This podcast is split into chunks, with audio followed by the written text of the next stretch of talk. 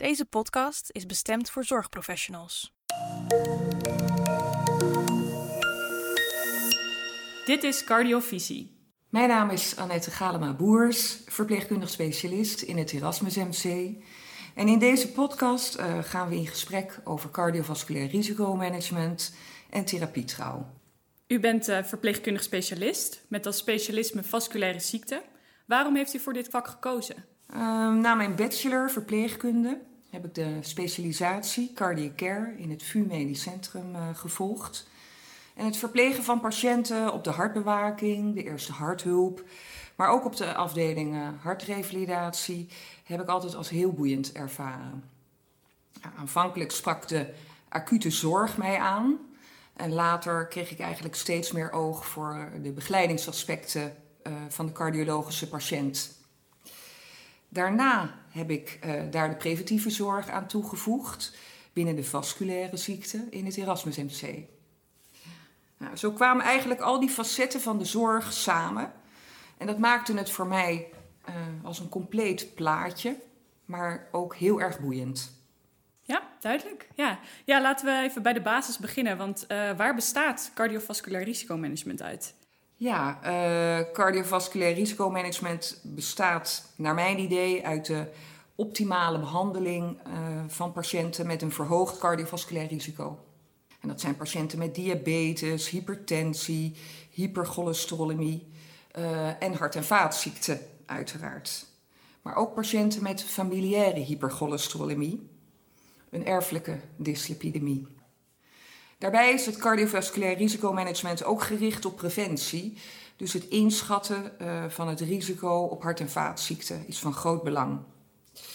De behandeling die bestaat altijd uit twee onderdelen. Enerzijds het bevorderen van het zelfmanagement um, en aan de andere kant de medicamenteuze therapie. Ja, kunt u iets meer vertellen hoe de cardiovasculaire zorg bij u in het ziekenhuis geregeld is?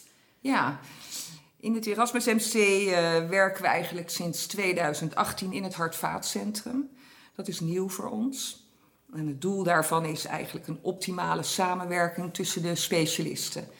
Uh, zowel medisch als verpleegkundig, om een kwalitatief optimale patiëntenzorg te kunnen bieden. We werken samen met de vaatchirurgen, de cardiologen en de vasculair geneeskundigen. En we gaan ervan uit dat wanneer de lijnen kort zijn en we elkaar snel kunnen consulteren, dit ten goede komt uh, ja, aan, aan de patiëntenzorg. Nou, zo neemt nu ook de cardiologie deel aan ons multidisciplinair overleg en werken we nauw samen met de vaatchirurgie. Binnen die vasculaire genetica uh, houden de artsen en ik als verpleegkundig specialist zo'n vijf keer per week spreekuur voor patiënten met een uh, dyslipidemie. En vaak zijn dit erfelijke dyslipidemieën, al dan niet in combinatie met diabetes, hypertensie, hart- en vaatziekten of andere aandoeningen. Uh, daarnaast houden die verpleegkundig specialisten van de vaatchirurgie en ik van de vasculaire geneeskunde wekelijks een cardiovasculair risicomanagement spreekuur. Om onze patiënten goed ingesteld terug te kunnen sturen naar de eerste lijn. Het bevorderen van het zelfmanagement en die medicamenteuze therapie, die staat daarin centraal. Dus dat betekent diagnose stellen, zowel medisch als verpleegkundig.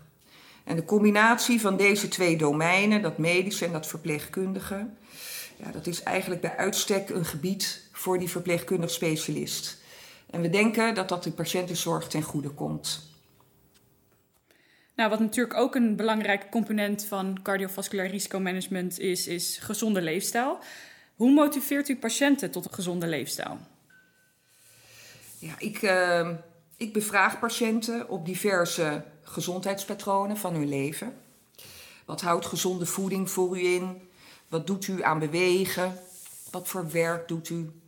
Uh, maar ook mag ik het met u hebben over stoppen met roken, over alcoholgebruik. Altijd met respect, zonder oordeel, dat gesprek aangaan. En op zoek naar openingen om, om te onderzoeken of we patiënten kunnen motiveren en adviseren een gezonde leefstijl te hanteren. En motiverende gesprekstechnieken zijn daarbij ondersteunend voor ons. Want vaak krijgen we wel te horen van patiënten dat ze wel willen, stoppen met roken of een gezonde leefstijl willen hanteren, maar dat ze het moeilijk vinden. Maar daar kunnen we patiënten mee helpen. Als patiënten eenmaal gemotiveerd zijn, ja, dan kunnen we doorverwijzen naar onze diëtisten. Of naar een stoprokenprogramma als Cinefuma. Uh, of naar GLI, geïntegreerde leefstijlinterventie, um, via de huisarts. Dus zo proberen we dat uh, aan te bieden aan onze patiënten. En naast de leefstijlaanpassingen krijgen patiënten ook vaak medicamenteuze therapie uh, om het cardiovasculair risico te verlagen. Welke opties zijn er? Nou, als het gaat om uh, hypercholesterolemie zijn er meerdere mogelijkheden. Maar we starten altijd eerst met een uh, statine. Daarna vervolgen we het lipideprofiel. Statines staan nog wel eens negatief in het daglicht. En als patiënten bijwerkingen krijgen, dan switchen we vaak naar een andere groep statines. Je hebt de lipofiele middelen en de hydrofiele middelen. Of we verlagen de dosis van de statine. dan voegen we een cholesterolabsorptieremmer toe uh, de ezetrol of de ezetimibe. En dat verlaagt het LDL-cholesterol nog met zo'n 20, 25 procent.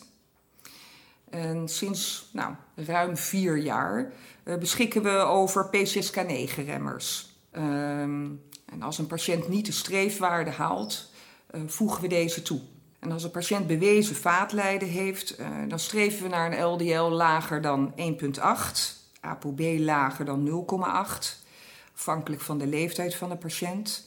Voor ouderen liggen die, patiënten, eh, die getallen eigenlijk iets hoger. LDL 2,5, ApoB 0,9. Maar ook afhankelijk van het aantal aandoeningen streven we soms zelfs naar LDL eh, van 1,4. Dat gebeurt niet standaard. Daar moet wel echt een reden voor zijn. Maar als patiënten twee of zelfs meer events hebben doorgemaakt, eh, ja, dan kan dat een optie zijn.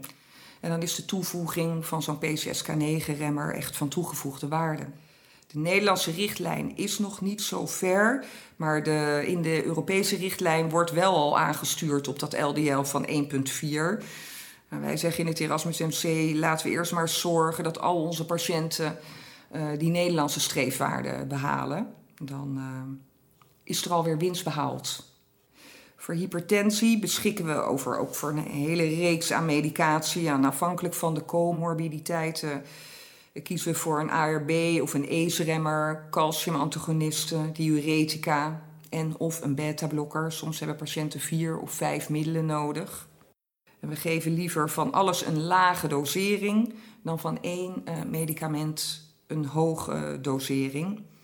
Want zo grijpt een dergelijke medicatie op verschillende onderdelen van die nieren in, uh, waardoor je eigenlijk een effectievere bloeddrukverlaging krijgt.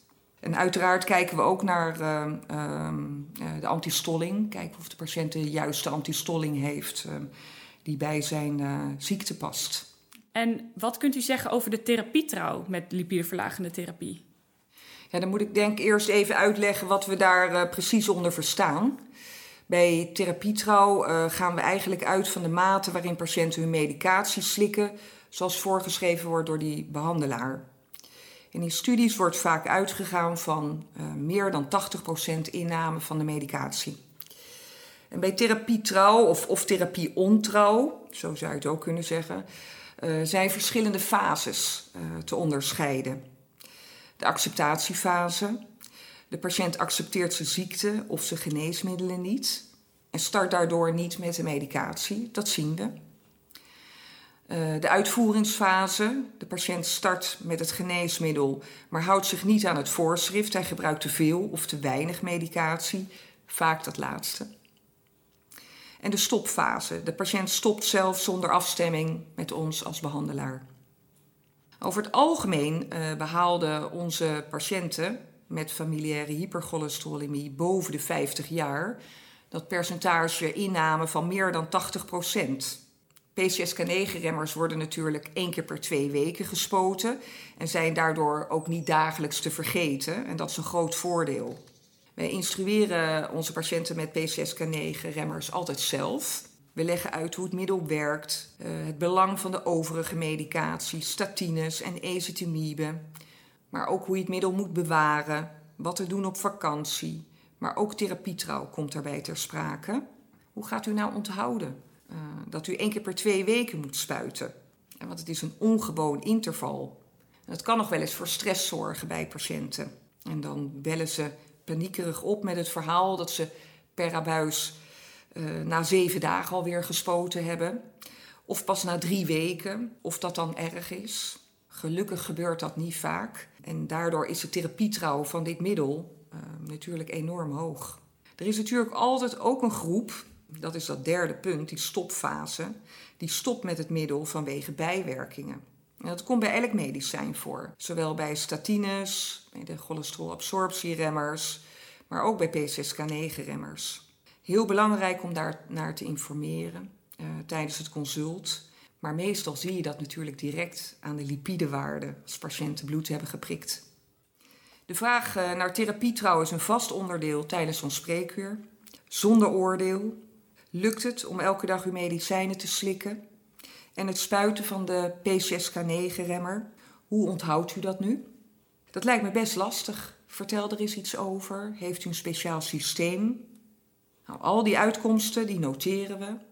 En die plaatsen we in een database waar we tot nu toe zo'n ruim 400 patiënten met een P6K9-remmer in hebben. En ik werk in een uh, universitair medisch centrum. We streven altijd naar evidence-based care. En daarbij moet je jezelf steeds afvragen of de zorg en de behandeling uh, nog de meest optimale is. Dus onderzoek is een belangrijk onderdeel uh, voor ons. Dus ik denk inderdaad belangrijk om dat elke keer weer ter sprake te brengen, die vragen te stellen. En zijn er nou ook nog specifieke patiëntengroepen waar men of waar u nog meer op die therapietrouw let?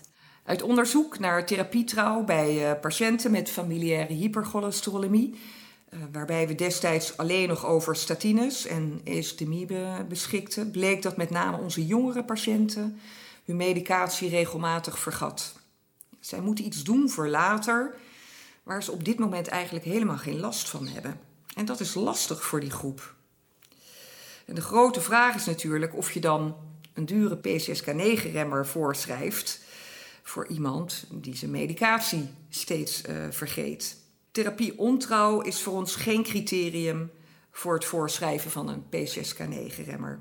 Als een patiënt laat zien uh, op streefwaarde te kunnen komen met een statine en een cholesterolabsorptieremmer, ja, dan zetten we eigenlijk nog meer in op het belang van het trouw slikken van medicatie.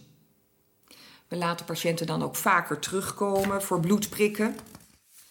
En um, we koppelen de getallen terug.